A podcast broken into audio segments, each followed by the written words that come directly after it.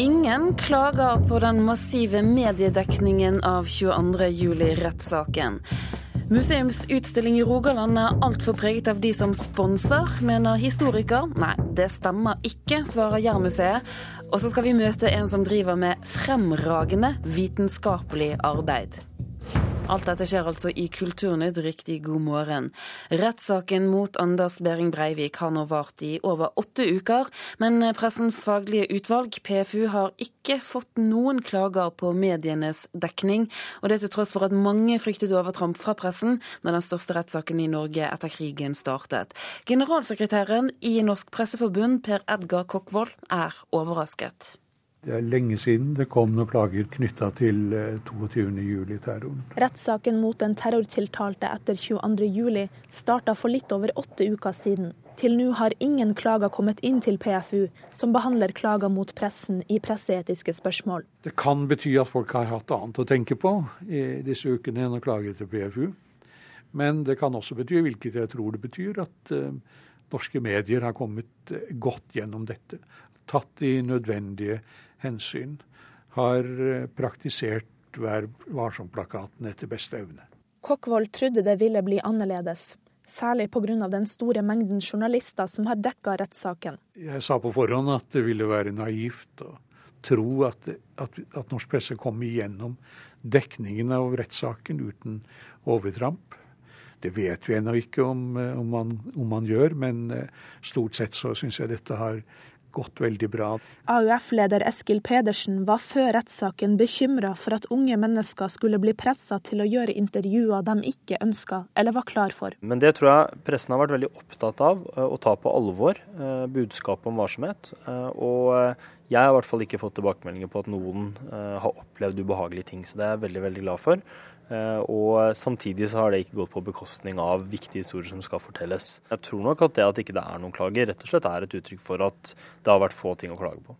Breivik må stoppes dersom han snakker for mye om politikk i dag. Heller ikke i dag viste han følelser, men uttrykte seg teknisk og distansert. Sterke skildringer i retten i dag. Historia om mirakeljenta rørte alle. Et søk i arkivet A-tekst viser at gjerningsmannens navn har vært nevnt over 21 000 ganger i norske aviser og nettartikler siden rettssaken start 16.4 i år. Og det er først og fremst omfanget av dekninga folk på gata i Oslo reagerer på.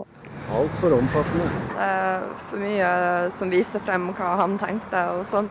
Jeg syns det blir altfor mye å følge med på.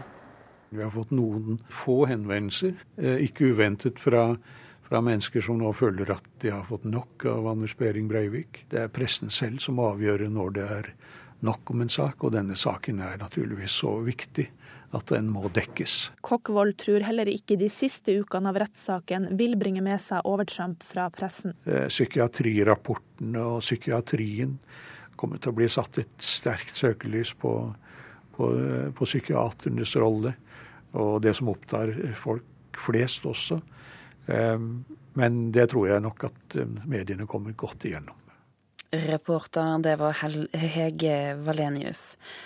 Den norske bokbransjen lanserer en ny betalingsløsning for e-bøker. Bransjen har fått kritikk for satsingen med Bokskya, men nå skal norske e-bøker bli enklere å kjøpe.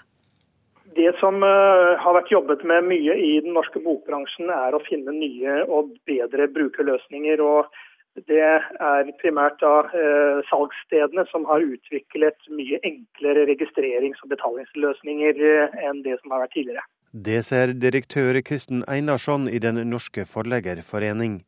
Forlaga si e-bokløsning Bokskya fikk kraftig kritikk da hun ble lansert for litt over ett år siden. Dårlig utvalg og vanskelig å bruke, sa kritikerne. I dag er det rundt 2500 norske titler på e-bøker tilgjengelig, men i løpet av året regner Forleggerforeningen med at tallet skal komme opp i rundt 6000. Einarsson vedgår at det ble gjort feil i lanseringa av Bokskya. Man hadde store ambisjoner om å gjøre én ting som var annerledes enn de fleste andre steder i verden, nemlig å sørge for at eh, forbrukeren eller kunden skulle ha tilgang til alle bøker de kjøpt, uansett hvor de handlet. Det løste man, men på, topp, men på, si, på kjøpet da, så fikk man en del kompliserte løsninger. Dette er det nå ryddet i, og det er helt klart ja. Eh, slik løsningen ble lansert for et år siden, så var den for komplisert. Begynte dere da i feil ende? Nei, man begynte i en helt rett ende. Men jeg, nettopp for å, for, å lage, for å, lage, denne løsningen som skulle gi eh, forbrukeren og kunden tilgang til alt man har kjøpt over tid, det tror jeg var et veldig viktig, eh, og viktig måte å tenke på. Men eh, det man skulle ha gjort, var å, å sagt helt fra begynnelsen av at eh, her skal det mye forbedringer til. og og Da vet jo forbrukeren med teknologiske løsninger i dag at hvis man snakker om en beta-versjon, så, så, har de en litt større overbærenhet mens man fikser eh, det som fikses bør. Reporteren var Espen Alnes.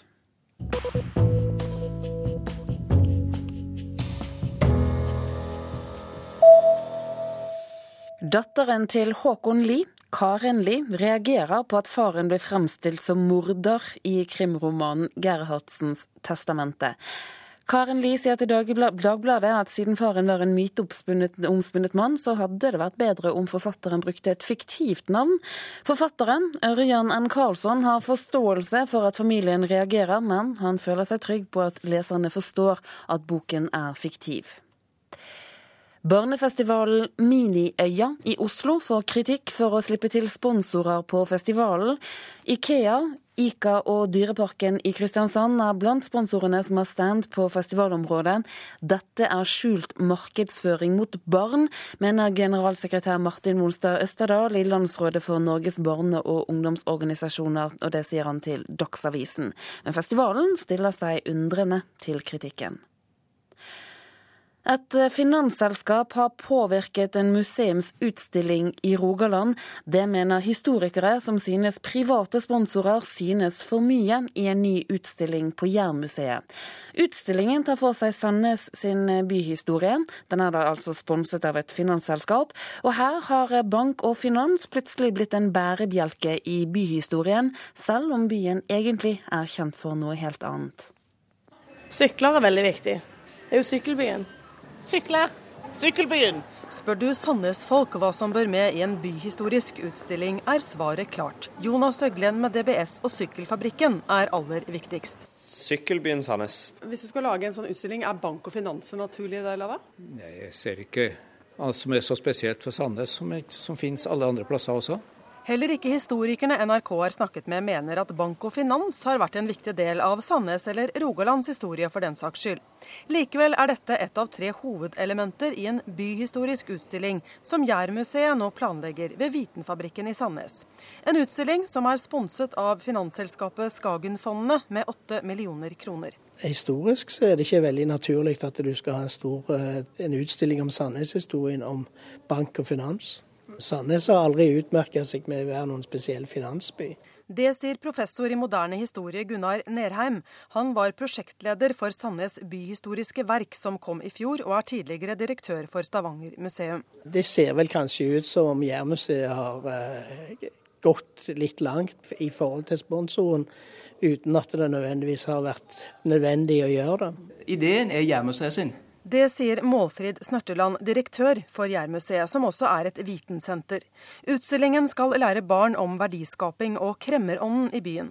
De tre fysiske stolpene blir Krambua og Fabrikken, med henvisning til Øglen og Sykkelfabrikken, og Sparegrisen om å sette penger i aksjer og fond. Helt naturlig, mener Snørteland. Det vi ser for oss her, det er jo en verdiflyt, å få den fram. Altså hva skaper verdiflyten i samfunnet? Og hvordan i alle dager skal man få unger til å forstå det? Hvorfor skal det være i en byhistorisk utstilling om Sandnes? Altså Utgangspunktet vårt er ikke å lage en tradisjonell byhistorisk utstilling. Men det er museet selv som bruker begrepet byhistorisk utstilling i sine planer. En utstilling som ikke hadde blitt realisert nå hvis det ikke var for Skagenfondene. Ifølge Snørteland har finansselskapet ikke påvirket innholdet, men hun innrømmer at søknaden om støtte var farget av hvem som skulle få den. Altså Det skal jeg ikke legge skjul på. At, eh, at, det er klart at, eh, at eh, kan si, med Skagenfond så så vi en mulighet til at de vil kanskje tenne på dette temaet. Men vi har altså da fått en mulighet til en betydelig utvida utstilling ved å kan si at, at her var det et tema som på en måte de syntes var kjekt. Kommunikasjonsansvarlig i Skagenfondene, Margrethe Vika, sier ideen om bank og finans var Jærmuseets, og at selskapet blir med videre som rådgiver. Og det er, det er formidlerne og det er Jærmuseet som, som, har ansvaret for utstillingen og, og dets innhold. Det er dessverre sånn i dagens eh, museumsverden at vi får ikke de pengene vi vil ifra og ønsker og trenger fra offentlige myndigheter. Derfor så må vi òg ut på sponsmarkedet. Sier Målfrid Snørteland, som også har fått 9 millioner kroner fra Statoil til en energi- og miljøutstilling. Generalsekretær Trond Vigeland Nilsen i Norsk museumsforbund sier den private sponsingen er på full fart opp etter å ha vært nede i en bølgedal. Men han er ikke redd for museenes integritet Jeg føler at det er langt unna smertegrensa i så måte. Men det er eh, viktig at eh, museene og museumsdirektøren er sitt ansvarsbevisst i forhold til hva som blir presentert i utstillinger og andre arrangementer. Det er viktig. Reporteren det var Anette Johansen Espeland. Kulturkommentator her i NRK Agnes Moxnes. Er dette en vanskelig balansegang for museer og andre kulturaktører som, som trenger sponsing? Dette er eh, virkeligheten i den norske museumsverden. fordi hver dag så stiller eh, norske museer, særlig de mindre museene, seg eh, spørsmålet om hvordan i all verden de skal få hjulene til å gå rundt. Vi hører jo kulturminister Anniken Huitfeldt for tiden gå rundt og bruke tallet 80% for å beskrive hvor stor økningen har vært i kulturbudsjettene fra 2005. Men det er ganske få av disse pengene som har kommet det lokale kulturlivet til gode. Det meste går til liksom de store nasjonale og regionale institusjonene. Eh, så på spørsmålet ditt om dette er en balansegang, ja.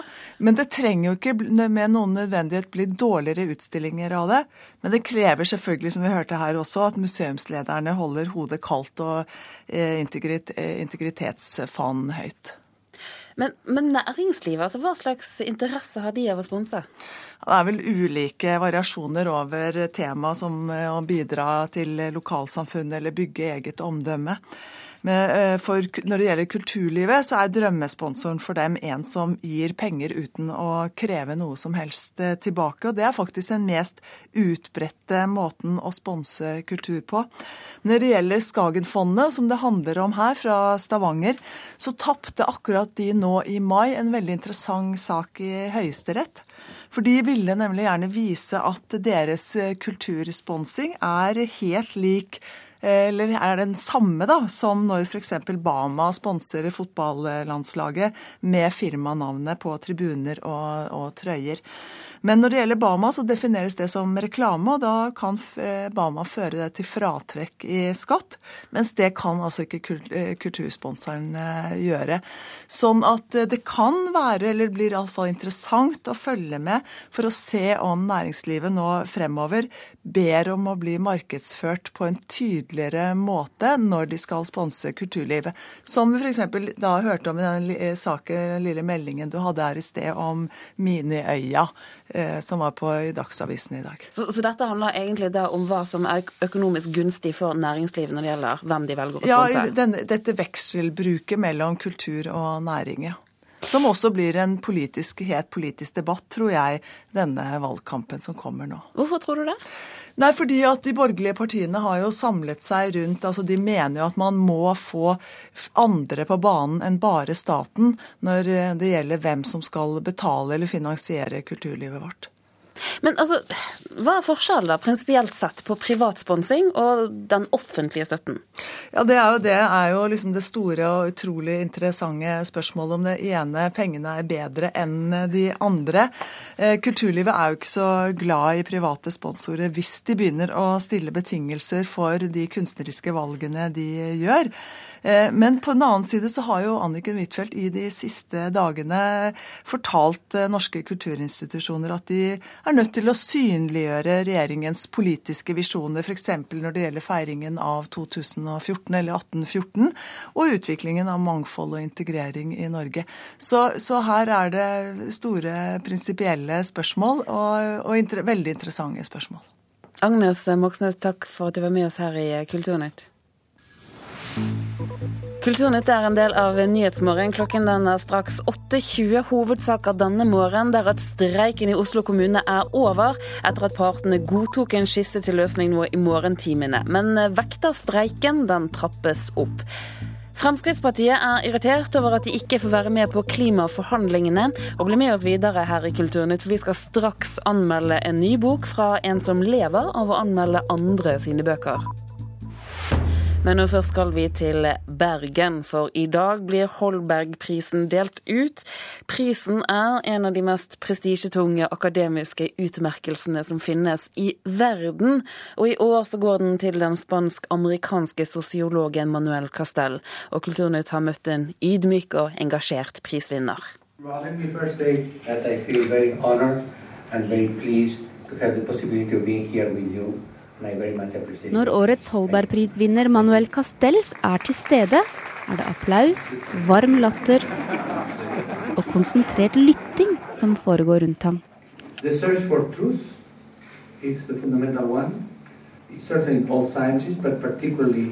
Ludvig Holbergs minnefond deler årlig ut Holbergs internasjonale minnepris for fremragende vitenskapelig arbeid innen fagområdene humaniora, samfunnsvitenskap, juss og teknologi.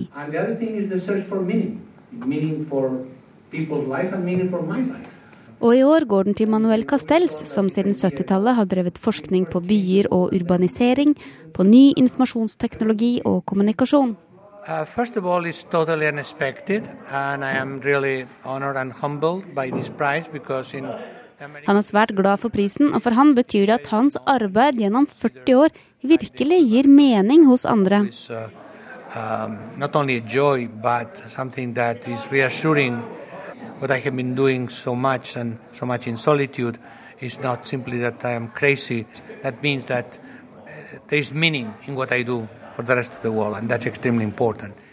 Og når vi spør professor i media ved Universitetet i Bergen, Knut Helland, hva slags størrelse sosiolog Manuel Castells er, Størrelsen både personlig og må han sette seg ned før han svarer. Han er en av verdens mest siterte samfunnsforskere. Han har over lang tid bygd en teori for å forstå sosiale nettverk og også eh, nye nye, moderne kommunikasjonsmåter. Og når eh, de her bevegelsene som den arabiske våren kommer, f.eks., så kan det nettopp forklares gjennom det store tankesettet, det store analyseverket som han har bygd over mange, mange år. Sentrale begreper i Castells forskning er makt, motmakt og kommunikasjon. Powers in society, and in terms of people who want to change society, they have to go through the minds of the people. And the minds of the people are based on communication.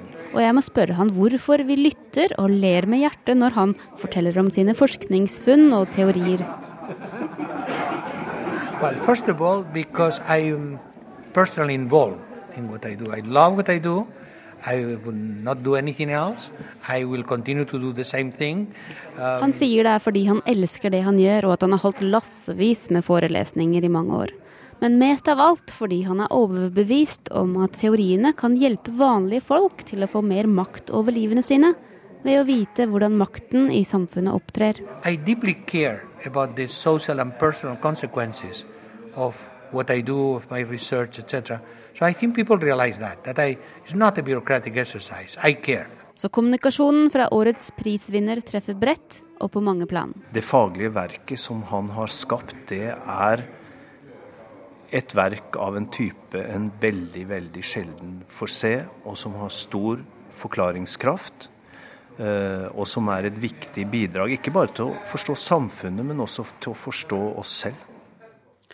Reporteren det var Helena Rønning, og Holbergprisen den blir delt ut av kronprinsesse Mette-Marit i Håkonshallen i Bergen i ettermiddag.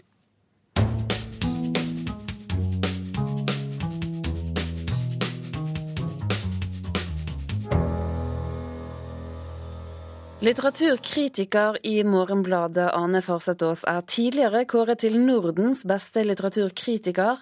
Nå har hun selv skrevet bok. Tanker om bokkritikk er samlet i hennes bok 'Herfra til virkeligheten'. Litteraturkritiker her i NRK, Arnhild Skred, du har lest. Eh, vi skal komme tilbake til denne boken, men først litt mer om hvem Ane Farsetås er, kanskje? Arne Farsås er jo det som du antyder i introduksjonen, en av de absolutt mest toneangivende litteraturkritikerne i Norge. Eh, først og fremst da på skjønnlitteratur. Og når hun da gir ut en sånn, altså det er ti år siden hun begynte som anmelder, så det er en slags sånn tiårsfeiring dette her, tror jeg. Eh, så, så, er jo det viktig. altså Dette er bok som i hvert fall vi som driver med litteraturkritikk leser, og jeg tror òg de som er generelt interessert i nynorsk litteratur. Og hun har laget et, eh, altså Hva er dette for et prosjekt hun har begitt seg ut på, egentlig? Eh, det hun har gjort, det er slags sånn, i hvert fall presenterer hun det som et sånt ettertankeprosjekt. Altså dette, Hun skriver det at dette er bøker som har blitt hengende igjen i tanken, som har fortsatt å, å kverne i tanken og åpne seg etter at liksom denne dagsavis- eller korte anmeldelsen er ferdig. Og det at en anmelder gjør det i et sånt dagsmedium eller i et ukemedium som holder på nå, det syns jo jeg i seg sjøl er veldig spennende, fordi nyhetspresset i anmelderiet er nå så høyt at det lurer jo av og til på om det liksom begynner å utfordre leseevnen hos anmelderne å skulle gjøre ting så fort. Jeg syns det er veldig befriende at hun åpner opp på denne måten i tid. Så her er det rom for ettertanke, er det slik? Og det er fornavnet, for å si det sånn. altså Her analyseres det skikkelig djupt. Altså Knausgårds forfatterskap får jo en artikkel på over 90 sider, eh, med refleksjon riktignok over da åtte bøker, så vidt jeg husker. Det, det forfatterskap hun går inn i, det er sju forfatterskap hun går inn i på disse vel 300 sidene. Eh, og, og da, er det, altså, da er det ikke dette nyhetspresset, da er det å gå inn og åpne, åpne, åpne verket og belyse nye sider. Så å si at det er sju enkeltstudier eller sju sånn forfatterskap og serie, det er noen andre stemmer som trekkes inn. Eh, men så sier hun òg det at i tillegg til at dette er et subjektivt utvalg, for det må vi jo huske på, det er Anne Farsetås sin, sitt utvalg, dette her, så vil jo komme noen utsagn om litteraturen akkurat nå akkurat nå. Vi skal komme tilbake til det litt, men altså, Du nevnte Knausgård. Hvilke andre forfattere er hun, hun har tatt for seg? Det er Abo Rasul, altså Mathias um, Fallbakken, Trude Marstein, Karl Frode Tiller, Hanne Ørstavik, Jon Fosse, Tur Erik Lund, Karl Ove Knausgård, som sagt.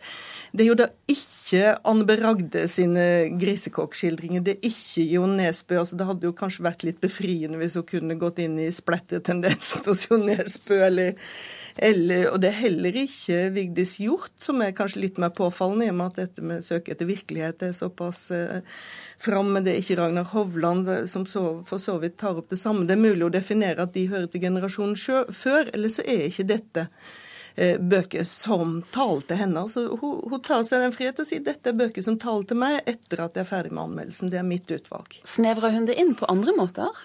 Jeg syns vel at eh, du kan si det er jo et sånt veldig djupt og, og felt og veldig vid analyse. Men, men jeg syns vel at det blir litt sånn litt for snevet norsk. Jeg skulle gjerne visst hvordan disse folka i større grad plasserer seg i en internasjonal, eller i hvert fall en europeisk kontekst. Eh, og så savner vel her og der enda flere sånne plasseringer. Dette er jo folk som forholder seg veldig til historien. Altså dette er folk som sier 'hva er min plass i historien'? Jeg skulle gjerne sett flere sånne knyttinger til litteraturen før. Men, men hun går jo veldig altså dette med at de forholder seg til høyt og lavt, at dette er en generasjon forfattere eller en gruppe forfattere som uttrykker problemet med å leve i voksenlivet, som, som savner liksom de sterke følelsene i livet. Altså det er så trygt i velferdsstaten. sant? Du får liksom ikke engasjement, det er ikke noe kamp. Men så kommer da altså 22. juli, sier jo det kan jo da markere et skille. Her kommer det virkelighet så det virkelig holder. Og det kommer jo absolutt til de grader en fiende å kjempe mot. Så hun ser muligheten for at det nå kommer et nytt skille i litteraturen. Jeg håper jo at hun vil oppsummere det om ti år, da. Arnhild Skrei, takk for at du var med oss her i Kulturnytt. Når jeg lager musikk, så trenger jeg å høre på alt annet enn Sondre Lerche. Og det trenger du også i sommer i P2. sommer i P2. Kjente stemmer inviterer deg nærmere starter mandag på NRK P2. NRK P2 lytter du til akkurat nå. Vi tar med at Telenor utfordrer den amerikanske nett-TV-tjenesten Netflix. Storsatsingen Komoyo lanserte denne uken en film- og TV-tjeneste for spillkonsoll Xbox på spillmessen 3 i Los Angeles. Og Komoyo skal satse på nordisk film og fjernsyn, og jobber også med å tilby tippeligafotball. Nå fortsetter Nyhetsmorgen med Hege Holm i studio. Denne kulturnyttsendingen var laget av Halvor Haugen. Det tekniske ansvaret har Espen Hansen hatt, og her i studio Turi Grønbekk.